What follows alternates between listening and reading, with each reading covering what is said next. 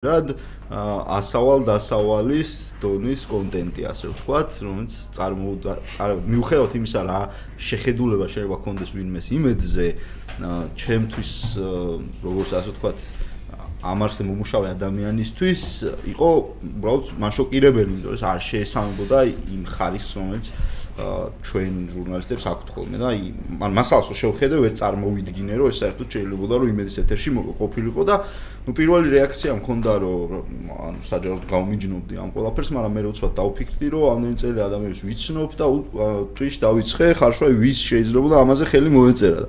უბრალოდ მივხვდი რომ ეგეთ ადამიანს ამარხზე არ ვიცნობ ვისაც შეიძლებოდა რომ აი ეს ნაგავი აი ამ შინაარსით და აი ამ ფორმით გაეკეთებინა თან ისე რომ თქვათ თუნდაც დაშვების დონეზე რომ თქვათ რომ რაიმე დავალება მიეღო ხელმძღვანელობისგან ან ვიღაცისგან ამას არ გამოეჟონა წინასწარ სანამ ეს ვიდეო დამონტაჟდებოდა ამიტომ და პირველი რეაქცია მქონდა რომ ყველას ვისაც ვიცნობდი არხზე ანუ გულისხმობ პროდიუსერებს აა ჩაუგდე ლინკები რა ჩაუყარე ლინკები და მეთქი ეს ნახეთ ეს ნახეთ და აღმოჩინე რომ არავის არ ქონდა ნანახი რა ანუ ეთერში ისე მოხდა რომ არხზე მომუშავე ანუ წონიანი პროდიუსერების უმრავლესობა უბრალოდ აზრი არ იყო ამ ვიდეოს. მე რა ეგრევე ჩაუგდე პაატას შამუგიას, ჩემ მეგობარს, რომ პაატა მეთქი ეს ნახეთ ხო და ანუ კი ვიცოდი მისი პასუხი, რომ დარწმუნებული ვიყავი, რომ პაატას რო ენახა რეაქცია ექნებოდა ამაზე და რომ ჩაუგდე არა არ მინახავსო და ნახავ ერთი მორაზე გვაგინებენო და რაღაც ნახევარ საათში არ ეს ვიდეოს ხაგზრობა რაც იყო ეგრევე მოწერა რომ რასაო ისო რა არისო და ნუ ეგრევე ავტეხეთ შიდა ჯგუფში ჯერ ამბავი რა რომ მეთქი ეს ნაბიჭრობა ვინ გააკეთა იმიტომ რომ სხვა სახელი ამას არ ქვია რა. აღმოჩნდა დაახლოებით 3 დღე დაჭირდა ამის გარკვევას როგორ მოხდა საერთოდ ეს ვიდეო არხზე. ვინ არ ყვევდა ანუ ატო შიგნით ხო რა ერთმანეთს ვეკითხებოდი რომ აი ხო არის ეს ვინ გააკეთა ეს ვინ გააკეთა მე ნიუსების ნიუსები პირველები იყვნენ ვისაც ეს რეაქცია ჰქონდათ იმიტომ რომ ძირთადად მაგათ ანუ მაინც ნიუსური იყო რა ნიუსებს ეტენება ხოლმე ეგეთი რაღაცები როგორც ეს რა პირველ ხო ხო პირველ რიგში მათ მათ ურტყამს რა ასე ვთქვა და ну ისინი ავიდნენ მე ხელმძღვანელობასთან დაიწყო ეს ჩხუბი გარკვევა ამის და ამბუცბად ეს საჯაროდ აბსოლუტურად ეს საჯაროდ ნიკავალიაშვილი აღმოჩნდა ადამიანი რომელმაც ესეთი რაღაც თქვა რომ ეს არის ჩემი პასუხისგებლობა და ჩემი პროდუქცია შეიძლება და ტელე ანუ იმედის პროდაქშენში ანუ ამ ეს გაკეთებულიყო კონფიდენციალურად. ვერ გაკეთებოდა იმიტომ რომ მაგიტო პირველი რეაქცია ჩემი ის იყო რომ საჯაროდ იმიტომ არ დავიწყე ამაზე ყვირილი რომ უბრალოდ არ ვიცნობ მე ადამიანს იმედში ვინც აი ამ ვიდეოს გააკეთება ანუ ანუ მოაწერდა ხელს რა. ფლეშკი დამონტაჟებული ადამიანს რომელიც ამას დაამონტაჟებდა რომელიც ამაზე იმუშავებდა და თან ამას თქვა თუნდაც ზეწოლის პირობებში რომ ვიღაცა ეიძულებინათ არ იტყოდა გარშემო რომ ხალხო აი ეს რაღაცას ესეთ ტიპის იძულება ხდება. ანუ ეგეთი ეგეთი დაშვებას ვერ ვაგეთ ანუ ჩემ პირველი რეაქცია ზუსტად ეგ იყო რა რომ შეიძლება ბევრი რამე მოგწონდეს ან არ მოგწონდეს იმედი შეთანხმებოდი ან არ ეთანხმებოდი შეიძლება რავი თქვათ ღია თქონა ხო იმეც ეს გამოცხადებული რომ რავი საგანგებო რეჟიმზე გადადიოდა არჩევნების წინ და ხელისუფლებისთვის მუშაობდა მაგრამ ეს არის წარმოუდგენელი წითელი ხაზი ხო? ანუ ერთი არის იმუშაობა რაღაც ხელისუფლებისთვის რომელიც ლეგიტიმურია მოგწონს თუ არ მოგწონს შეიძლება მოგწონდეს ან შეიძლება არ მოგწონდეს და მეორეა რომ ამას მოაწერო ხელი და ეს კიდე ორმხრივი კატასტროფაა ვიდრე აი თვითონ ამ ფილმზე გადავთ ანუ მე აი თქვათ მას მე რა თქვენ სამი კვირა სამი დღე მარკვევდით მე გამოირკვა რომ ლალიაშვილი გამოვიდა ანუ ეს ამბავი ადამიანურად როგორ გაფორმდა ტელევიზიაში? რომ რა მოხდა? ანუ გაფორმებული თან შინი დამზადებული თუ არ არის ეგ ვიღაცა მოიტანა დამზადებული ეს ვიდეო ცალსახარი რო არის დამზადებული ვიდეოს იმედის გარეთ. არ არის ვიდეო მომზადებული არხზე. არ არსებობს ადამიანი არხში რო არხზე მომუშავე ადამიანი რომელსაც ამ ვიდეოზე მომუშავე ან ფაქტია რომ ეს ვიდეო არის გარეთ დამზადებული და ჩაგდებული არის ფორმატს მიღმა ანუ ვიდეო გავიდა იმედის კვირის დასრულების მერე ანუ გავიდა ესე უტიტრებოთ, უკონტექსტოთ, არა რუბრიკაში, არა ქრონიკაში, არა რაიმე გადაცემის ფორმატში. არა და აი ვიღაცამ შევიდა ეს აეთეროში შეაგდო და პლეიზე გაუშვა. ხო, არა, ხო, ესეთი ნამუშევარია რა, ანუ წინასწარ აქვს, ეხო არა ერთ დღეში გაკეთებული წერი იქნება, ხო?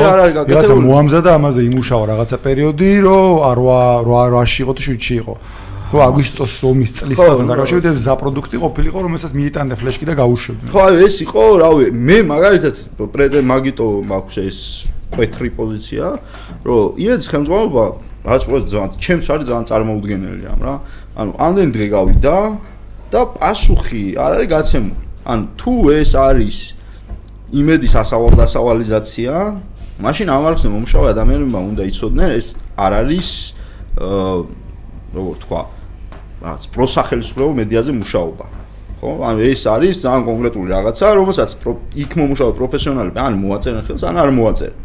ანუ ამ მოცემულობაში ნიკალალიაშვილის ამარხზე გაჩერება არის წარმოუდგენელი, თუ ეს კაცი არის ამომხტარი ამ კორპორაციის ყველა სტანდარტიდან.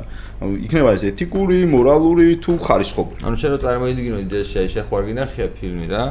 ანუ ხო წარმოგიდგენე იმედი რა არის. მე რომ მომიყვეთ რა. ხო წარმოგიდგენე იმედი რა არის და იქ რო მართლა რო გავოგონდები რომ რომელიმე ქართულ არხზე ეგრო გასულიყო აი ჯეორლდი და რაღაცა ის რო პია. ხო რაღაცა ეგეთი რა. ეგეთ საგიჟეთი რო არის, აი საგიჟეთი რო არის. დაახლოებით მაგ უბრალოდ ისინი ვიდეოებს არ უშვებენ რა, ანუ ესეთ რაღაც ფანფარონ ვიდეოებს არ აკეთებენ. ეს არის ზუსტად აი რაღაც ხა მე არ მინდა რომ ვიღაცა სხვა დააბრალებ, მაგრამ ნუ კონკრეტული ორი ადამიანი მახსენდება, ვისაც შეუძლია მაგის გაკეთება რა. ო, ნუ დაახლოებით სტილით და ნუ ყველაფერი მონტაჟი, ან წარმოუდგენელია. მოკლეშენ არის მოგვიყვები ახლა. არა, არა, ბრალდება. მოდი, სანამ გადავალთ მაგაზე, ანუ იქ არის მოკლედ მოუყვეთ ადამიანს, რომელსაც არ უნახია. ხო, მაგას ვამ, ბრალდება არ არის თქვა, ანუ ეხლა მოუყვები ვიდეოს, ან შევეცდები რომ რაც ძირითადი, ასე ვთქვათ, მომენტები გადმოცე, რომ კარგად მიხვდე. იმჭერო მაგრამ ხო ფრაგმენტები ფილმიდან ხო იმედის ფილმი. ანუ ერთი არის ერთი არის ის რაც შენ თქვი რომ ომის დაწყება ბრალდება ომის დაწყება არ ბრალდება სხვა რაღაცაზეა ლაპარაკი აა დავიწყოთ მაგალითად ეგეთი რაღაცით რომ პირველ ფილმი იწყება იმით რომ 2004 წელს მიხელ სააკაშვილს როდესაც ის მოვიდა ხელისუფლებაში დახვდა კონფლიქტი მოგვარების გზაზე დამდგარი კონფლიქტები. ამით იწყება და ამის მერე შაში გამოიხატებოდა. ერგნეთის აა ეგ არა აი ეგ გამო ხო ერთ-ერთი არგუმენტი არის რომ არსებობდა ერგნეთის ბაზრობა სადაც თურმე ყალიბდებოდა კულტურული ურთიერთობების არა მხოლოდ სავაჭრო. ანუ ეს ეს ეს აგით მე გარი გავხსნე. ეს კონტროვერსიალ არის რა. არა, კონტროვერსიალ არის. ხო, ანუ ეგრეთის ბაზრობა დასახული იყო თუ არ იყო დასახული, მართლა საკამათოს. არა, მაგას შეგვიძლია ვიკავოთ. კამათი მაგაზე არ არის. ანუ მივყვება. არა, ეგრეთის ეგრეთის ბაზრობას მართლა კონდა ეგ სავაჭრო ეკონომიკური ურთიერთობის ეფექტი მაგრამ სინამდვილეში ეგრეთის ბაზრობის დახულის მუღამი ის კი არისო, რომ ძალით დაიხურა სამბაქს ნამდვილში იყო, იმიტომ რომ მაგა ბევრი გადასახადები და სიგიჟე რო იყო, ჩვენი კონტრაბანდა იყიდებოდა, როგორც კი ბაქს ნამდვილში საგადასახადო რეფორმამ გამოიწვია ის, რომ ივან შინაარსი დაკარგა. კი, კი, აა ძირითადი ნაწილი ეგ იყო. ოქროაშვილი გზებს აფეთქებდა რას ლაპარაკი. ეგ არ მახსოვს. კი, კი, არა. ეს გაზრომამდე მისასწრე. სამაჩაბლოში დაიძაბა. კი, კი, სამაჩაბლოში დაიძაბა სიტუაცია, მაშინ ეგ სისულელი. არა, ჩვენ შეგვიძლია სიგიჟეები გვიქნია. არა, არა. სიგიჟეები გან არ გვიქნია მაგაზე, არავინ არ კამათობს, გას მაგაზე შეგვიძლია ბევრი ვიმსჯელო და ვილაპარაკოთ ეგ ცალკე თემა. მაგრამ ამის მერე გრძელდება ფილმი იმით რომ აა მაგალითად ის რომ თურმე შიდა პოლიტიკური კრიზისის გამო მიხეილ სააკაშვილს სჭირდებოდა ომის წამოწყება იმისთვის რომ გაემყარებინა პოლიტიკური სიტუაცია და მან ყველაფერი გააკეთა და ერთი ფრაზა არის რა მაგალითად საჯაროდ სილაგაზნულ რუსეთს სხვა გზა აღარ გქონდა გარდა იმისა, რომ სამხედრო ძალით შემოჭრილი იყო საქართველოს. ანუ ეს არის ეს არის აი ესეთი თავარი ფრაზა, რო თქვა რა, ეხა შუაში შუაშუა სიგიჟეებზე კიდე რო არაფერი არ თქვა. ანუ თავარი ღერძი, ანუ თავარი დედა აზრი არის ეგ, რო პუტინი, ა და ისა პუტინი იცვენებდა ამ დროს კაც ოლიმპიადაზე იყო და რა სისულელია, სად სადეცალა ჩვენთვის მიშა საჯაროდ რო სილა არ გაეცნა. ჩაოლეთ, ანუ მოკლედ ფილმის თელი ეგარია რაც ახლა ან თავარი დედა მაგ ფრაზაშია რუსეთის მოკავშირე იყო სააკაშვილი მოსვლის დღიდან. და ანუ ეს ამას აკეთებდა მიზანმიმართულად ანუ თავარი პრობლემა ამ ყოლაფერში ის კი არ არის რომ მაგალითად 2003 წლამდე თქვა რა სიტუაციაც იყო რომ სინამდვილეში სისტემა რუსეთი ხო სისტემა ანუ რუსეთის სისტემა რომელსაც ყავდით სიმნელეში რომელსაც ყავდა რა ვიცი გავლენა ძალოვან სტრუქტურებზე ყველაფერს ხო საქართველოსში სინამდვილეში და ეს ყველაფერი ფაქტობრივად საერთოდ იგნორირებულია ამ იმაში, რომ საერთოდ რუსეთს მანამდე რაიმე გავლენის მოხდენა შეეძლო საქართველოს. ყველაფერი მიდიოდა კარგად. ანუ ფაქტობრივად იდეალური ცხოვრება. ყავზე ტერიტორიულ თრამას აღვადია. კი, კაცო. მოგვარების გზაზე იდგა ეს. გზელებინა, მოკლედ არაფერი რო არ შეცვლილიყო, ოპოზიციაში მალე მოგვარდებოდა თავისდაც. დაახლოებით ესეთ განცდას ქნის ფილმი, მე რაც ესე ტორესამ თქვა და კულმინაცია ამ ყველაფერს არის, რომ საბოლოო ჯამში მიხეილ სააკაშვილმა ეს ყველაფერი გააკეთა იმისთვის, რომ რუსეთი ეიძულებინა რომ შემოჭრილიყო დიდი სამხედრო ძალით. რუსეთზე მუშაობდა თავიდანვე. თავიდანვე მუშაობდა. ანუ კონკრეტულად ესეთი შეთქმულების თეორია განვითარებული ფილმში, კონკრეტულად. ეგრეა. ხო, ნუ შიგნით რა ბევრი რაღაცები, ანუ ოკეი. ო, ნუ ეხა ამ დღეებში მე რა წამოვიდა ამისი ეგრეთ ეც გამპრავებლების ის არა ხო არმია რომლებმაც თქვეს რომ ამ ანუ რომელმაც დაგვადანაშაულეს რომ თურმე ჩვენ არ გვიყვარს სიმართლეზე ლაპარაკი და ტაბუს ვადებთ თემას მე ტაბუს არ ვადებთ თემას რა თქმა უნდა. ყველაფერზე უნდა ყველაფერზე შეგვიძლია კითხვების დასმა ყველაფერზე შეგვიძლია ლაპარაკი მაგრამ სიმართლე არ დგინდება ესე ანუ სიმართლე არ დგინდება კონტექსტის ანალიზის გარეშე უბრალოდ რაღაცა კონტექსტიდან ამოგლეჯილი ფაქტების გადაბმით სიმართლე არ დგინდება. ეს სიუჟეტი თავიდანვე არ ყოფილა მის ყველაფერი გეუბნება ამას რომ ამ სიუჟეტის მიზანი არ არის დასვას კითხვები ბრალდება? ეს არის კონკრეტ გავიზნული ბრალდება, რომლის მიზანიც არის კონკრეტული პოლიტიკური ფიგურა გაანადგუროს, ასე ვთქვათ. ეს არის ამ ფილმის მიზანი. ამ ფილმში არ არის დასმული, არის კითხვები, არ არის ძიება, არის სიმართლის მათ შორის. ეს ძიებაში მაგფილმს რომ ამთხევ კაკას აგვისტოს ომის წესს, ეგ ნიშნავს, რომ პროსტა ამ რაღაც ტრაგიკული მას, რომელიც ქვეყნის მართლა ტრაგიკული ამბავი იყო, უბრალოდ საკუთარი პირადი ძალიან პრიმიტიული პოლიტიკური მიზნების სიხარული. საგანგაშო, საგანგაშო. ეგ არის ზუსტად რომ ესე იგი ჩვენ ვერ მოახერხეთ შეთანხმება იმაზე რა პოლიტიკურმა კლასმა ვერ მოახერხა შეთანხმება იმაზე რომ შეიძლება იდებატო ერთმანეთში შეიძლება ერთმანეთის მიმართ წავე წავე კრიტიკული იყო მაგრამ ეროვნული უსაფრთხოების საკითხები არ გვაქვს წითელ ხაზად გავლებული ერთმანეთში კამათში რა. არა ეს ნიშნავს მაგას ხო? მმ არ ვიცი ეგ მაგას ნიშნავს. ეროვნული უსაფრთხოების საკითხი კი არ მაინტერესებს მე მე მაგალითად პირადად მე როგორც ერთი მაყურებელი ვინც მაგ როგორც შენ ახსოვდი, რა მნიშვნელობა აქვს შენ მუშაობ მაგ ახლა თუ არა, ყველანი ხო სისტემაში მუშაობთ რაღაცა თვალსაზრისით. ანუ შენს ტელევიზიაში, შენს ასე შენ მუშაობ, სისტემა არის შემოსული, ჩვეულებრივად რა, ანუ რა მნიშვნელობა აქვს? ისევე როგორც რუსთავიურშია შესული სისტემა და მთელი ეს ტელევიზია ხო ჩვეულებრივად პოლიტიკური ბრძოლის ინსტრუმენტებად არის დიდი დიდი მედიები საქართველოში სულ ნაკცები. აი ყოველთვის ესე იყო, ხო? ანუ იგივე ეს პატიებები ამ გადასახადების რაღაც მუდმივი ანუ ფაქტობრივად ტელევიზია ბიზნესი არ არის. ანუ ჩვენ რაღაც ეს სახელმწიფო უწყების რაღაცნაირი კვაზი ვერსია. სხვა სხვა ანუ არ არ არის ბიზნესი გაგებით აგაგებითაც აა მოდმეულ ქვეყანაშია ბიზნესი. სხვანაირი ბიზნესი. მოდი, მოდი მე მე ავაწყობ ტელევიზიას და აა სიტყვაზე ლულას მოვატრიალებ და ხელისუფლების გინებას დავიწყებ და ანუ ამაში ჩავდებ მათ შორის ფულს, იმიტომ რომ ეს ეხა ფულს არ წეს, მაგრამ ისეთ დონემდე მივიყვანო, მე მე მივალ ხელისუფლებას და ვეტყვი ხა თუ გინდა რომ ეს გავაჩერო რა გადამიხადე ან რაღაცა მომეცა რაღაცა ეგეთი ბიზნესი. ან ხო ან პირიქით. ხო ან პირიქით ან პირიქით. მოდი აუხსნი იდეა ორი შემთხვევაში საქართველოში ამ ზომის ტელევიზიების არსებობა ამ ზომის ტელევიზიების გვაქვს ჩვენი ბაზრისთვის და ჩვენი ღარიბი მოსახლეობისთვის არის დაუძლეველი რა. ვერ გვექნებოდა. ეკონომიკურად. ეკონომიკურად. ზუსტად ამიტომ დაუძლეველი რო არის ბუნებრივად ხდება ესეთი რამე, რომ არსებობენ ადამიანები, ვინც რაღაც კონკრეტული მიზნით და გასაგებია ეკონომიკურად, თორსა წამგებიანია რაღაც სხვა მიზნით, მზად არის რომ ასხას ტელევიზიაში ფული. ანუ ის მინუსი, რომელიც შეიძლება ტელევიზია გადიოდეს, თავისი ჯიბიდან დააკომპენსიროს. ბუნებრივია ამას შეიძლება კონდეს რავი ბევრი სხვა სხვა სტიმული ხარ როგორც შენ ახსენე. რა ან ერთხალის მეატრიალოს ულა პოლიტიკური ინსტრუმენტები ნებისმიერ შემთხვევაში. ან ინსტრუმენტი რომელიც მოქმედებს საზოგადოებრივ აზრზე და სინამდვილეში ამ საზოგადოებრივ აზრის სრულებით მე უნდა იშოვოთ რაც არა რეკლამით და როგორც ბიზნეს რამეთ ამით უნდა იშოვო ფული. ვიღაცა ან ხელისუფლება და შანტაჟო ან ოპოზიციას მიუწერ ან ძალაუფლება შეინახო. რაღაცა პოლიტიკური მიზნით უნდა გამოიყენო. ჩვენთან ერთადერთი შანსი რომ ერთადერთი შანსი რეალურად რომ თან გქონდეს ტელევიზიები და თან ამან ასე ვთქვათ, დამანგრეველი გავლენა არ იქონიოს საზოგადოებაზე, არის ის, რომ კონდეს მედია პლურალიზმი. ანუ ეხლა რაც ხდება, რომ ვთქვათ, რუსთავი 2-იც წაიღო პირობითად ხო? ხელისუფლებამ.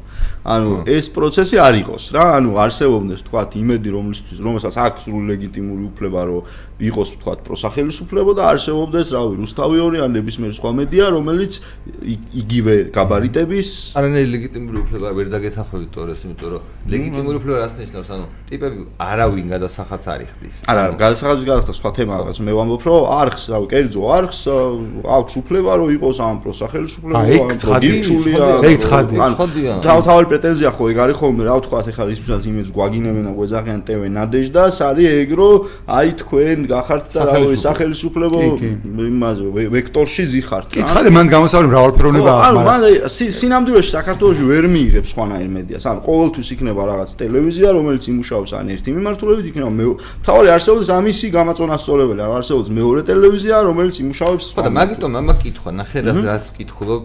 როდესაც ფაქტობრივად ვიცით, რომ ეს დინოზავრი ტელევიზია, რომელიც არ შეესაბამება ეკონომიკური თვალსაზრისით ქართულ ბაზარს, ხო? და ჩვეულებრივად ამ შემთხვევაში, ამ კონკრეტულ შემთხვევაში არის ხელისუფლებასთან აფილირებული ჯგუფის მიერ დაფინანსებული, ანუ დასუბსიდირებული. სანაცვლოდ ხელისუფლება იმას რაღაცებს უკეთებს, მაგას თავი დავანებოთ რა. ანუ კონკრეტულად ხელისუფლებასთან. აი შენ რო ვიძახდი გეოლდი და ის რაღაცა უცნაური რაღაც ასავალ და ასავალი. ეგენი ხო არ არიან პირდაპირი გაგებით ხელისუფლებასთან ასოცირებული მედიები. მე მიუხედავად მასეთი პატარა ზომის, არ არიან კონკრეტულად და შეუძლიათ რომ რაც არ უნდა სიგიჟე ქნან. და როდესაც იმედზე რომელიც რუსთავიორის წაღებამდე იყო მთავარი დაფარვის თვალსაზრისით, მთავარი პროსახელისუფლებო მედია. ასეთი ტიპის სიუჟეტი გადის. ხო, ანუ ისეთი სიუჟეტი გადის, რომელიც როგორ გითხრა, იცი? იმაზე კი არის, რომ უბრალოდ ოპონენტს აგინებ. ანუ საუბარი არის მართლა რასაც უყურებ, თუმე რამე მიყურებია იმაზე რუსულ მედია საშუალებებზე რა, ანუ თქვა როგორც ისინი აშუქებენ, ომზს როგორც ისინი აშუქებენ. ზუსტად იგივე ნარატივს რო გადმოსცემს ყველაზე დიდი სახელისუფლებო მედია რომელზეც დარწმუნებული ვარ რომ ძალიან ბევრი კონტ შენ კი შენმა პროდიუსერებმა კი არ არიწოდნენ და არ ქონდათ წინასწარ ნანახი მაგრამ სანამ იმედის ეთერში ვიღაცა მოიტანდა ფლეშკით რამდენ ადამიანს ეკნებოდა ეს ნანახი და რა კატეგორიის ადამიანები იქნებოდნენ ისინი ვინც ჯერ დაამზადა ასეთი ფილმი და მე ყველაზე დიდ ხელი სახელისუფლებო მედიაში მიიტანა და ისე რომ თანაშრომელი მარცოდა და გაუშვა. ამაშია პრობლემა. ანუ პრობლემის არსი ამ ის კი არის რომ მართლა კონკურენცია, რა ის კონკურენცია გეხოწები სად არის? ანუ დარწმუნებული ვარ რომ ეგ ძალიან დიდი დროა და მართლა მედიას, ანუ ეხლა რომ ინტერნეტი არ იყოს ანუ ეხლა რომ ჩვენ ვიყავთ, რა ვიცი, მართლა 15 წლის ჩაბნელებულ საქართველოში. მართლა სიტყვის თავისუფლება ხო ამ ტექნოლოგიამ გაზარდა, რომ მე და შენ და რაღაც ხალხი ვზივართ და ვლაპარაკობთ და ალტერნატიული მარტო საზმაო ხო იყო პერიოდი მარტო საზმაო?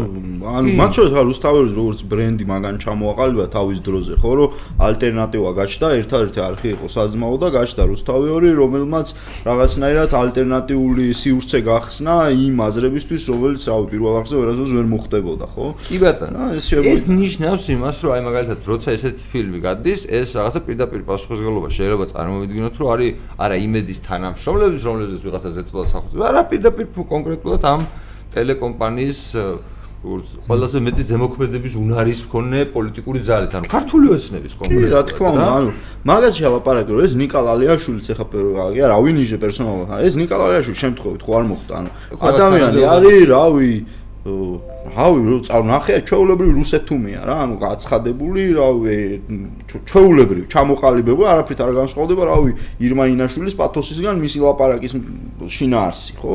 და ეს კაცი ხო შემთხვევით არ მოხდა ამ იმედზე. ანუ ეს კაცი მათ შორის დანიშნეს ალბათ მაგიტო რომ ეს ფლეშკის მომტანი ტიპიც უნდა არსებულიყო რა თორე არხზე არსებობდა მაგის რესურსი რომ ყოფილიყო რავი საინფორმაციო უფროსი ნებისმიერი სხვა ტიპი გაცილებით უფრო დიდი კვალიფიკაციით გაცილებით უფრო ორგანული თუნდაც იგივე იმედისთვის ხო არის ეს ხალხი იმედზე. რა ეს კაცი საი გარედან მოიყვანეს, დასვეს და გააკეთებინეს ის რაც გააკეთებინეს.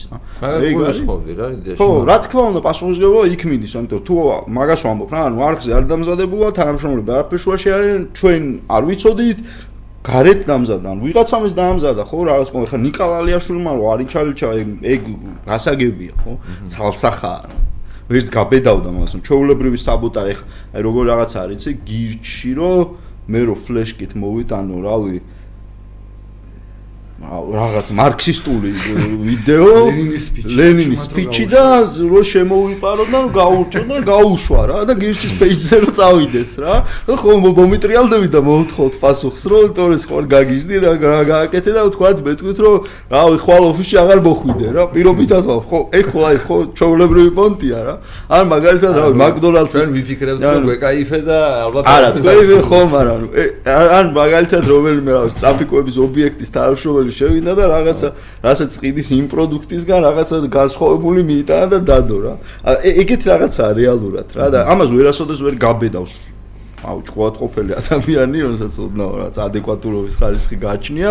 თუ მას არ აქვს კონკრეტული შეკვეთა კონკრეტული ხარდაჭერა და რავი კონკრეტული რა. აი ჯაფერ ახლა შენთან მაქვს ეგეთი კითხვა რა.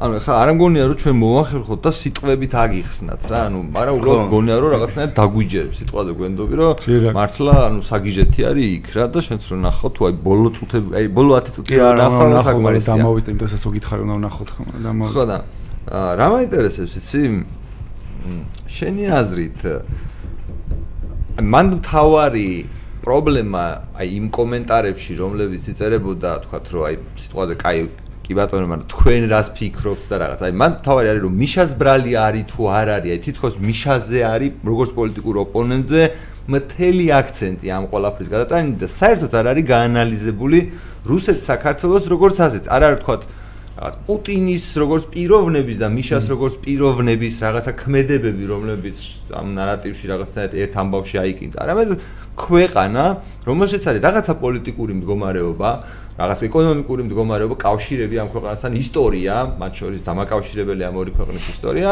და შესაბამისად აქ შეცდომა შეიძლება და ყოფილიყო დაშვებული. მათ შორის მიხეილ სააკაშვილის მიერ, ისევე როგორც დღეს მაგალითად ის რომ ქართული ოცნება შეიძლება სიტყვაზე არ არის საერთოდ არანაირი კავშირი მოსკოვთან არ აქვს, მაგრამ ის ქმედებები, რასაც ქართული ოცნება აკეთებს, თქვა ეკონომიკაში ან რაღაც, რომელიც ქვეყანას ძალიან ასუსტებს, ეს ხო მე შემიძლია განვიხილო როგორც პრორუსული ქმედება, ხო, ჩემთვის რა მნიშვნელობა აქვს იმ ადამიანს?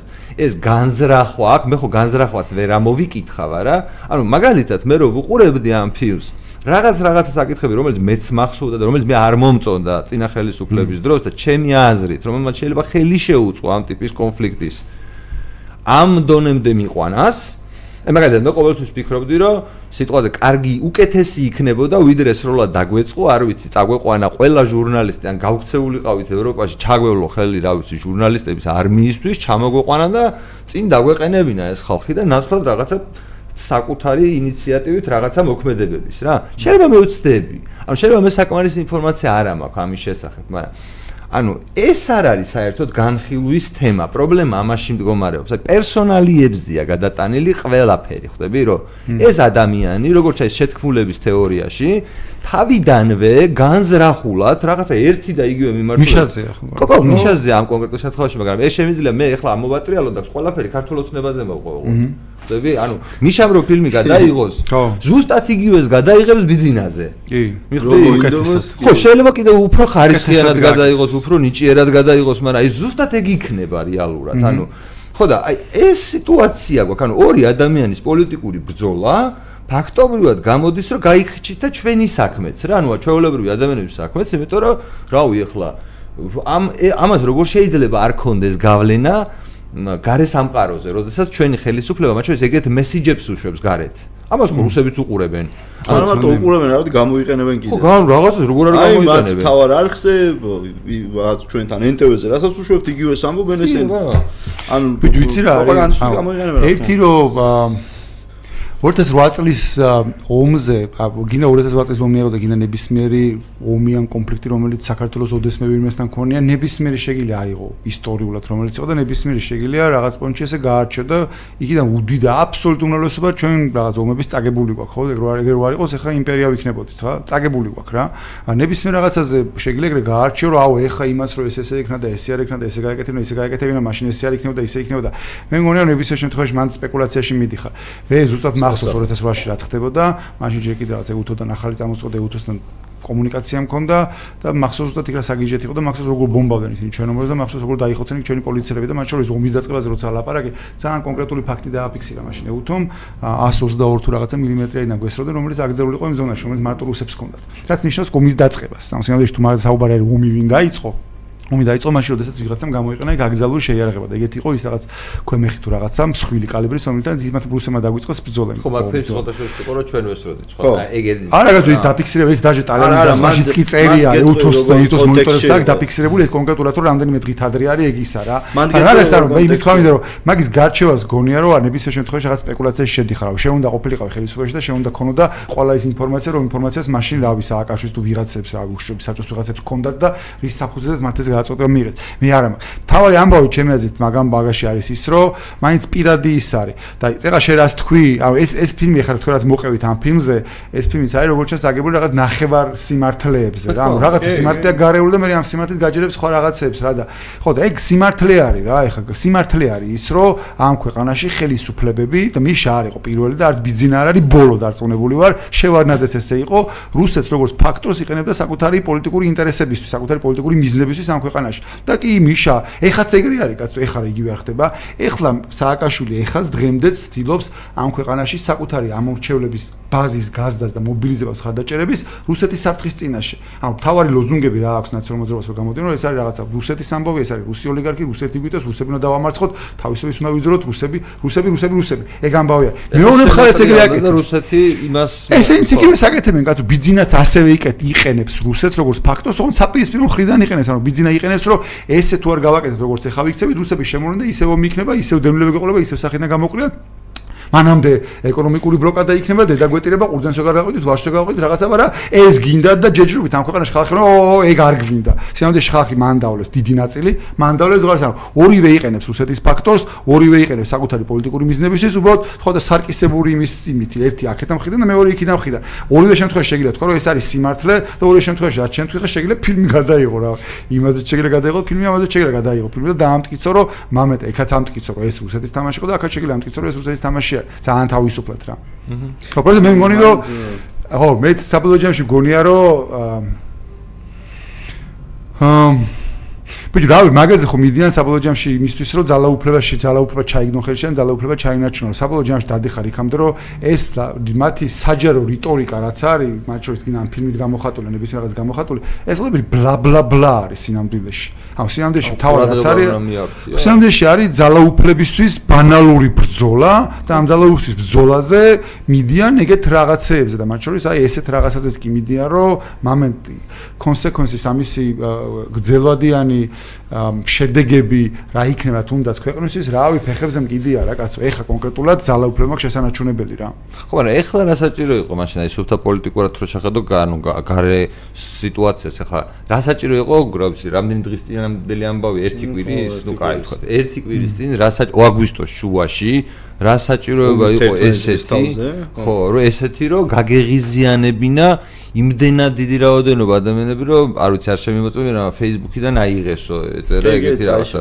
სამი მოთხოვნა მქონდა სამიდან ერთი შესრულებულია და ვიდეო წაიშალა. აიშალა ნიშნავს რომ ხო მე YouTube-ზე უყურებუში რა ნუ ანუ არ ელოდნენ ხო ეს ნიშნავს ამ ნიშნავს რომ ეგეთ ეგეთ ბეკლეშს არ ელოდნენ. ეგეთ რეაქციას ალბათ არ თორე არ წაშლიდან არა თუ თუ ბოლომდე აპირებდნენ მაგის არა ესია მაშინ არ წაშლიდნენ რადგან წაშლეს ეგ ნიშნავს არ ვერ გაავლეს უბრალოდ იმაზე და ვერ წარმოიდგინე ანუ შენ ამბობ რომ პროფესიონალიზმის პრობლემა ქონდათ ანუ ვერ დაინახეს სადაენთებოდა ადამიანს მაყურებელს ანუ ამ დონეზე? კი კი ნიკალა ლეშვილი ანუ ჩაოლებრივი უცხოსხეულია ტელევიზიაში ტიპი აზრზე არ არის რა არის ტელევიზია. ოღონდ მართლა აზრზე არ არის ჩანს ეგ ყველაფერში რა. ანუ ამას ვერ გააკეთებ თუ ოდნავ მაინც გესმის სათხარ გესმის რას აკეთებ და გესმის რა არის ტელევიზია. ამას ვერ გააკეთებ, შანსი არ არის. ერთ-ერთი არის რომ აზრზე არ ხარ სათხარ და ბუნებრივია რომ ტიპმა ვერ გათვა, ანუ ბუნებრივია რომ როცა არ ხარ, ანუ არ ხარ პროფესიონალი და მათ შორის ტელევიზიაში მუშაობის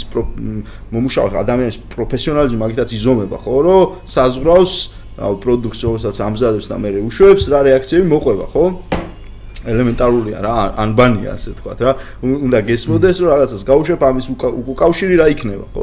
როცა ამას აკეთებ ნუ პროსტა აზია რა ხარ რა ბიჭო შეიძლება პროსტა იმედზე აქვს ეგეთი წარმოდგენა როგორც და როგორ შეიძლება სუდი წარმოდგენა აქვს საკუთ ანუ ხალხზე იმედში მუშაობს რა არ არ მუშაობს იქ ამაზე ხელის მომწერი ხალხის ხო ვიდეო რო დაუსკრი ვიდეოსის კომენტარი რო დაუსკრეს მიშას ბოლოში რო წერდა მელაძეზე რო წერდა ნოდარის ჩაუგდრინში გაუშვასო ეგეთ წარმოდგენა აქვს ვიღაცას რო ჩაუგდებ და გაუშვას ხო და ანუ ეგრე არ არის რა და ეხა მათ შორის ეხა ის რო იმედი პირობითად ვამბობ რა, ეხლა მე ღიად პოზიციონირდა როგორც პროსახელისუფლებო არქივ თქვათ იგივე არჩევნებზე, ხო? და ამას არ მოყოლია შიდა პროტესტი ასე ვთქვათ. თუმცა შიგნითაც შეიძლება ადამიანები იყვნენ ხო ვისაც რაც მოწონს ან არ მოწონს, მაგრამ ის რომ ამის რესურსი იმედზე არსებობს, ძალიან გასაგებია რა. გასაგებია, იმიტომ რომ ადამიანები მუშაობენ, რომლის მიშას ყავს იმ არხიდან, რა ვიცი, სპეცრაზმით გამოყრილი, ხო? და რავი, ნაცემი და დასტრესილი რა და ის ხალხი მუშაობს დღემდე იმედში და ბუნებრივია რომ იმ ხალხს არ ევასება მიშა. ან ბუნებრივი, ან ეს არ არის ეგეც მინდა ვთქვა რა, რომ ამათ აქ თქონდა ესეთი წარმოდგენა რომ რავი, ეხა იმედში მუდმივად ტელეფონზე არის შეერთებული ვიღაცა და რეკავს და რაღაც მე იმედი ამას აკეთებს. ეგ ეგეც პროცესი არ არის და ეგრე არ ხდება რეალურად. უბრალოდ ბუნებრივია რომ ამ ისტორიის კონე არხზე მუშაობენ ადამიანები, რომელსაც ლოგიკურად და ბუნებრივად არ მოწონთ სააკაშვილი, იმიტომ რომ სააკაშვილს ყავს ეს ხალხი რა, ნაცემი და გამოყრილი საკუთარი არხიდან რა. ანუ ეგ არის ძალიან ლოგიკური ხა. ეს არ არის გასაკვირი, ხო? და ამ აქედან მანდ მანდ წასვლა რომ ეხა ამ ხალხს რა კი მიშა სააკაშვილი არ მოწონთ, ეხა ქვეყნის ინტერესების საწინააღმდეგოთაც გამოვიყენებ, ეგრე არ ხდება და არ ვერ მოხდება და არ მოხდება. ანუ ეს თუ გესმის და ელემენტარულად ხვდები და იცი სათხარ რა რომელ არხზე ხარ ამ ადამიანებს იცნობ. და ასე შემდეგ რავი გათვლი მაგას რომ აი კაკნინიუმ ტორესა აყვირდება ხა ამას და მე მე მას მგონი რადგან აშალეს აშლა მაგის გამოძახილი არის რომ თვითონ იმედის შიგნით ეგ პრობლემა შეიქმნა თორე ის რომ მაგამბავზე პროსტა ვიღაცა ტიპებს გარეთ რაღაცები ეყვირა გონერ მაგას დაიკიდებდნენ ბოლომდე. არა კი რა თქმა უნდა ხა მაგას ვამბობ რა ხა ყოველთვის არსებობს ეგ რა არსებობს რაღაც მაყურებელს რაღაც ნაწილი რომელიც რუსთავი ორს აგინებს ყველაფერზე და არსებობს რაღაც ნაწილი საზოგადოების რომელიც იმედს აგინებს ყველაფერზე და გინება არ გვიყვირს რა თქმა უნდა ხო. გარეთ გა მიჩოული ხარ რომ ვიღაცებს არ მოწონს ხა რაც შენ აკეთებ გარეთ ტიპების გინებაზე უბრალოდ ითხოვდე რომ ესენი არიან ნაცები და მიშას ტიპები და ამიტომ დავიქო დაიკიდებდნენ ხო რა თქმა უნდა. შიგნით რა ერიათ მაგის გამო მე ვერ ხვდები ხა უბრალოდ მე მაგ ეგეთი ძალიან გაურკვევება რა ყველაფრის ყველაფერი მესმის მაგრამ მე ვერ ხვდები აი ამ დუმილს ეხლა რაც ხდება რა რომ ეს კაცი ჯერ კიდევ ამ არხზე მუშაობს. აუ ეხლა რაც ხდება ეგ მოხევი მართლა ეგ სამს ეხლა რა სიტუაცია. აი ხდება. ავი სამსახურში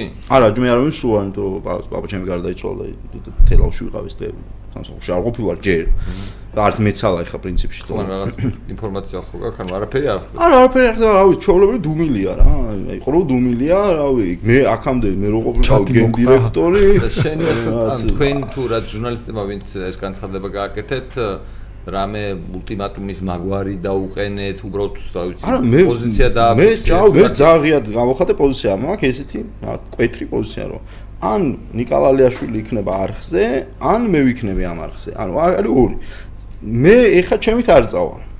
და ყოველ დღე რომელიც მე ვიქნები იმედზე, იქნება კონკრეტული ფასი.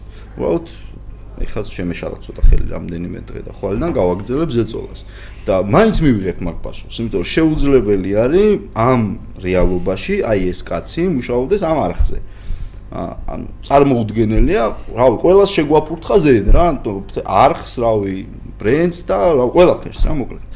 რა არ წარმოუდგენელია აი ეს ტიპი როგორ შე ამ ამ ტიპთან როგორ შეიძლება იმუშაოს ხო? ან ეს კაცი არის მათ შორის საინფორმაციო უფროსი და დემორალიზებულია ხალხი კონკრეტულად ხო? ან ნიუსის ჟურნალისტი ვარ წარმოიდგინე ტელევიზია არა გვაქვს ქვეყანა საინფორმაციო უფროსი არ მახსოვს წარმოიდგინე საინფორმაციო უფროს ხალხი არ ემორჩილება და მე მე კავკასია დარჩა ხო? წარმოიდგინე ეხა სიტუაცია არის ესეთი რა რომ ადამიანმა გააკეთა რაღაც კონკრეტულ წარმოუდგენლად მიუღებელი რაღაცა ყველასთვის. ო ეს ადამიანი არის ხელმძღვანელ თანამდებობაზე არის გენერალური დირექტორის პირველი მოადგილე როგორც ვიცი მათ შორის რავი ნიუს ხელმძღვანელია და რავი რიგითმა ჟურნალისტმა ხვალ წავიდეს და რა ამის მითებით იმუშაოს ანუ ეს ხო არის ჩაოლებ დემორალიზება რა ადამიანის შეუძლებელია რომ ამ ადამიანმა ისე აკეთოს საქმე როგორც უნდა აკეთოს. ხო და ამ მოცემულობაში რავი მე რო გენერალური დირექტორი ყოფილიყავი იმავე დღეს დაურეკავდი რა ტორესასთანაც დაურეკავდი რა პაატასთანაც და ყველასთან დაურეკავდი რომ მოდი აბა შევხვდეთ და რა რა გააპროტესტეთ მით უმეტესობა შენი მოყვანილი კადრია. ან უნდა დაიცვა შენი მოყვანილი კადრი, რავი, ეგრე ეგრე მესმის მე რა. შენ თუ მოიყვანე ნიკალალიაშვილი და დასვი, ანუ დაიცვა შენი კადრი, როცა მეუტევ, ან რავი, რაღაც გადაწყვეტილება უნდა მიიღო, მაგრამ სკავში არაფერი არ ხდება. ან თქვენ რა გაგიშვა სასწავლო? ან მე უნდა გამიშვა, ხო, ანუ ლოგიკურია. ეს ხო არა ნორმალური სიტუაცია ხო ეგ? რაღაც რამდენი ადამიანია თქვა ეს შენაირ იმაში რა ქვია მოუძე რო ანუ აი ეს რამე ქენით თორე?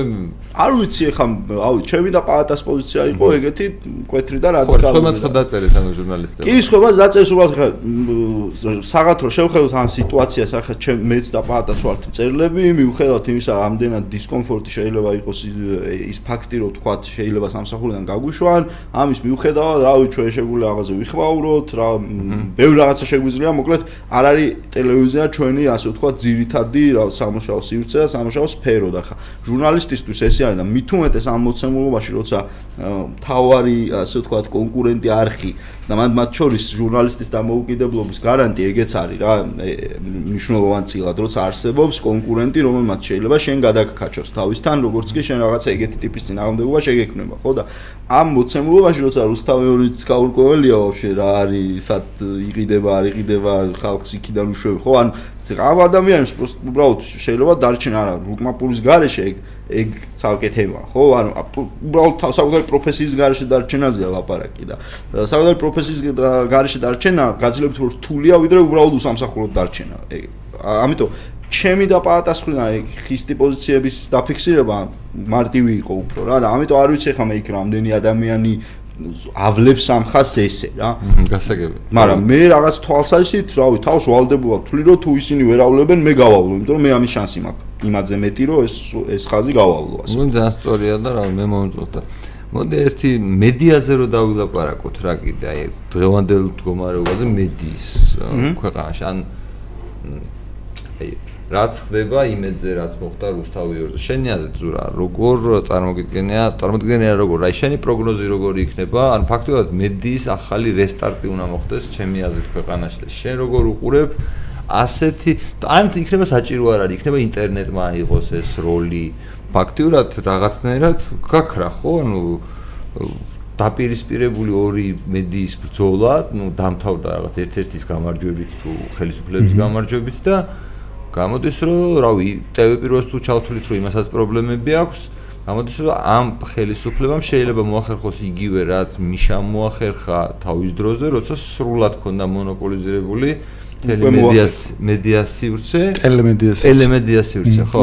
მაგრამ განსხვავებით 2012 წლისგან ჩემი აზრით მაინც ტექნოლოგიურად სხვა დრო არის დღეს და ზუსტად ეს ესეთივე გავლენა ექნება თუ არა ამ ჩაკეტვას ეხლა ეს მაინტერესებს თქვენგან რომ მითხრათ თქვენი პროგნოზი. მოკლევადიან მოკლევადიან პერიოდში იდეაში მაინც მიერ კვლევა აჩვენებს რომ საბოლოო ჯამში ტელევიზიები მაინც თავარი პოლიტიკური ინფორმაციის წყარო ამ ქვეყანაში მოსახლეობის უდიდესი ნაწილი საბოლოო ჯამში სადღაც რამდენი იყო ბოლო? იმით მე გვესაათ 70% იყო მაინც 70 იყო იმიტომ რომ დაახლოებით 30% მაგრამ ზრდადია მუდმივად იღებს ინფორმაციას ინტერნეტით და ფეისბუქით დანარჩენი პრინციპში იღებენ ტელევიზიიდან. ანუ ჯერ კიდე ის რომ კონდეს ტელევიზია რომელსაც აკონტროლებს და შეგნი ბევრ ფულს ჩაასხავდა მათ შორის ბევრ გასართობ რაღაცებს გააკეთებ რომ viewership-ი ანუ მაყურებლების რაოდენობა გაიზარდო და მე ახოდუ პოლიტიკური ნიუსების ჩეტენო, ეგ ჯერ კიდე მუშაობს რა, რო არ მუშაობდეს მაგას არც გააკეთებენ. ეხლა ვახეთ რეალობა რა არის იდეაში იმედი და მაესტრო და საზმაო რომელიც შეგიძლია ჩათვალო რომ პოლიტიკურ ნაწილში სხვა გადაცემებს ეგ არ ეხება, მომენტ პროსახელისფროები არიან და არიან ძირითადად მომართული იმაზე რომ ნაცები არ გვინდა და მაგ მაგ ანუ ნაცებზე გაბრაზებული ნარატივი არის. გარდა მაგის არის რუსთავიორი რომელიც დაიშალა, ეხლა და აღარ არის რუსთავიორი, ეხლა რუსთავიორის მარტო მართლა ის დარჩა, ლოგო დარჩა, ხო, ანუ დღეს კურიერი აღარ გას გასულა არც ერთი კურიერი და ნუ ხილბა იმას კიბარ შერჩა ცარიელი რაღაც ინფრასტრუქტურა ანუ შენობა სადღაც რაღაც აპარატურა და 70 მილიონი თუ რაღაცა. ვა ხო ჩამოიშალა. ეგ ხალხი დიდი ალბათობით გადაბარგდებიან გვარამიასთან რომელსაც დაანონსა რომ არქი უკვე ძალიან სწრაფად გაეშვება. და შესაბამისად რუსთავი ორი რაც იყო და როგორი მანქანაც იყო გააჩნია რა ანუ გვარამია წეს რომ ინვესტორები ყავს გააჩნია რამდენ ფულს ჩადებენ მაგრამ გასაგებია რომ ისეთ პოლიტიკური მანქანა ეწყობა ცალკე ისევ როგორც იყო აეწყობა თუ არა ისეთი ხო ხადია. აი ეწოვა თორე ისეთი როგორიც იყო რუსთავი ორი ეგეთიგივე გავლენის მე მგონი სწრაფად რაღაცა ერთ ორ თვეში და ორ კვარტალში თუნდაც მაგ მასშტაბზე გასვლა. მგონი რომ მაინც გაუჭირდებათ მიუხედავად იმისა რომ რაღაც ერთგული მაყურებელი ვინც ყავდა რუსთავი ორის ალბათ იგი დაიწყებენ გადაბარგებას ახალ არხზე. მაგრამ მაინც რთული ამბავი მგონია მაგრამ ნახოთ. მაგრამ მანდაც საფრთხე ის არის რომ გვარამიაზეც რაღაც საქმე აქვს აღზრული და პროკურატურაში ატარებენ. მაგის გარდა არის კიდე ერთი არხი დაანონსებული რომელიც ფორმულა კრეატივმა დაანონსა და რომელზეც კეზერაში წერაშვილზე იყო ლაპარაკი რომ ის ჩადებს ფულსო. მაგრამ იქაც ერთ მამარხის დამფუძნებელი ვინც არის ის არის იგივე ინტერმედია თუ რაღაცა კომპანიის ხელმძღვანელი ზურა ჩვენც ვისნობთ ერთხელ ჩვენთანაც არის ნაყოფი. რომელთანაც რუსთავიოს კონდა ეს ხელშეკრულები გაფორმებული ამ რეკლამაზე და გვარამიასაც დაყავთ პროკურატურაში ისიც შეუძლია ისე წაიყვანო პროკურატურაში და იმასაც რაღაცები კითხონ ანუ იქაც რაღაცა საფრთხე არის. მე ბოთ ამჯერა რომ ან გვარამიას ან იმას ციხეში ჩასავენ. ანუ მგონი რომ მაგაზე ვერ წავლენ. აა პევე პირველი არის რომლის დამფუძნებასაც ასევე ატარებენ დაკითხვაზე. და რავი ჩვენ გავალთ ახლა ეთერში კიდე. ერთ-ერთი გავალთ ჯერ არ გუშვებ რა დერი ხალი აგე ბუქსაობენ და ხარაზგულები ხარაზგულებია. შენასაც ამბობ რომ კაი ხანი დაჭირდება რუსთავიორს ჯერ ჯარ ჩართულა არა მარტო რუსთავიორს თქვა იქ მეორე კეზერაშვილის ტელევიზია იქნება თუ ნებისმიერი სხვა რომელიც შეიძლება გაჩნდეს ბაზარზე. დღესდღეობით თითქოს 90% გამოდის რომ პროსახელისუფლებო ნიუსი ფარავს სატელევიზიო მედიას რა. ანუ ამ დროს ჩემი აზრით ხდება ხოლმე ალტერნატივების გაჩენა. მე მახსოვს ერთი პერიოდი როცა ანალოგიური სიტუაცია რომ მოხდა და ხალხი კავკასიის ზიაზე რო და ანუ ვისაც პოლიტიკა ინტერესებდა მაესტროს და კავკასიას მაესტროს და კავკასიას რო უყურებდა ხოლმე ანუ ანუ უცბად რო გაიჭდა მათი რეიტინგი. დაახლოებით რაღაცა მსგავსი მოლოდინი მიჩდება ამ ყოველთვის ბაზარი რაღაცას იზავს აი ეს სიტუაცია კი ამეც გონია ამ ტელე პირველის ყურებადება გაიზრდება ტელევიზიაში მომუშავე კაცს. კაი იდეაში მგონია ეგეთი რაღაც რა ანუ ის რაც ეხა ხდება არ არის გრძელვადიანად გათვლილი რა თქმა უნდა მაგას ხვდები რომ ნიკა გვარამი ააწყობს ახალ არხს მაგრამ როგორც არ უნდა მოინდომო ყველაფერს ჭირდება კონკრეტული დრო ყველაფრის დაქოქვას და მათ შორის მაყურებლის გადასმას. და ტელევიზია არის ისეთი მოვლენა რომელსაც ну იდეაში როგორც ნებისმიერი ბრენდის შემთხვევაში ლოიალური მომხმარებელი უშდება დროთა განმავლობაში და ძალიან არ არის ეგეთი მარტივი რომ ერთი ბრენდიდან აიღო და მარტივად გადასვა მეორე ბრენდზე. ან 2020-ის სავარაუდოდ ეს ყველაფერი მოხდა არა გრძელვადიანი გათვლით, არამედ კონკრეტულად 2020-ისთვის. და 2020-ისთვის ეს მიზანი გონია რომ შესრულებულია. ანუ 2020-ისთვის სატელევიზიო ბაზარზე პროსახელისუფლებო ნიუსები იქნება, რავი, სრული უმრავლესო. დიდი დიდი დიდი უპირატესობით, ასე ვთქვათ, რა. და მგონია რომ გათვლაც ეგ იყო რა ამ შემთხვევაში, მაგრამ იდეაში ალტერნატივებს რაც შეეხება, ნუ აი რეიტინგები გვაჩვენებს რა მაგას რომ ძირითადად ქართულ ტელევიზიები ეწყობა ეს ორი მოთამაშის მაგალითად თუ ავიღებთ ხო ან იმედი და რუსთავი ორი ხო ორი ყველაზე რეიტინგული არხი ორივე არხს აქვს ორი ტიპის კონტენტი რა ერთი არის რაც გასართობი ეთერი ასე ვთქვათ სერიალები შოუები მეგა შოუები ток შოუები გეიმ შოუები და ასე შემდეგ და მეორე არის ნიუსი ქართული მომხმარებელი რაც ესე ესე რეაგირებს ამაზე რა რომ ძირითადად თუ კარგი გასართობი კონტენტი გაქვს, არ ერთი ნაწილი მომხმარებლის მე ავტომატურად აგრძელებს ყურებას და ნიუსზეც გადადის და მეორე ნაწილია რომ ნიუსენდობა შენსას და ავტომატურად აგრძელებს და ამ შოუებზეც გადმოდის. ანუ ეგ არის ძირითადი ღერძი რა. თუ ავიღებდით მაგალითად უფრო დაბალანსებულ ნიუსის თვალსაჩინო უფრო დაბალანსებულ მედიას ხო, აქ შეგვიძლია ვილაპარაკოთ TV პირველზე რა.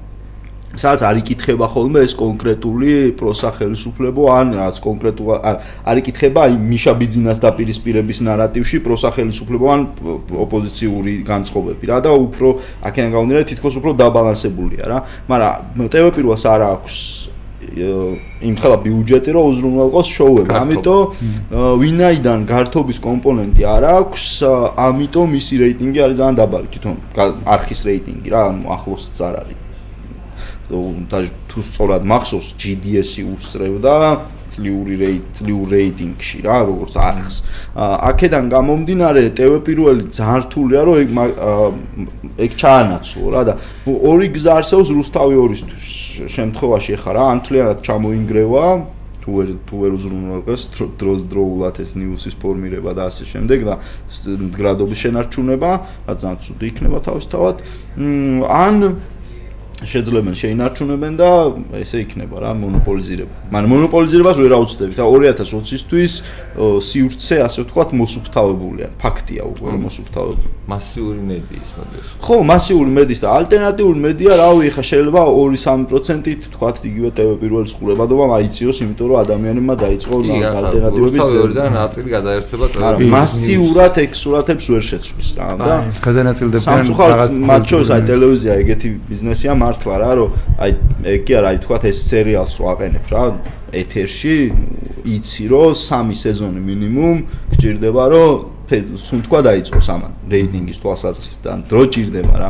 ეგრე მარტივად რავი ძალიან რთული წარმოსადგენია რომ ალტერნატივა გაჩნდეს ეს 2020-მდე 2020-ის მერე კი შეიძლება. ხარ ვიცი.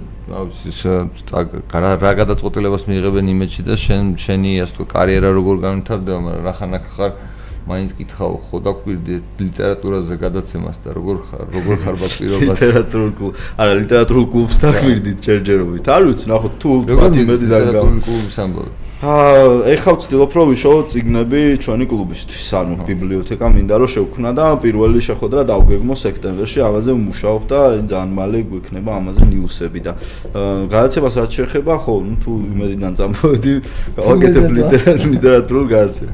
მოდი, მოდი. და ინტერესთა კონფლიქტი თუ არა. გამოუშვით თორესა იმედიდან, გამოუშვით. აგინებთ მანს. არა, რამე ხო არა გვაქვს კიდე. საინტერესო. არა, რა ვიცი, რაც. აა ესეთი ამბავი დაგვემართა მოკლედ, რომ საკუთარ საკუთარი ხელით გადავიღეთ საკუთარ თავზე სიგიჟე. აი ეგ ეგ ეგ მოგვივიდა. მადლობა ტორეს, მადლობა ზურამ, დროებით დღეს ეს იყო.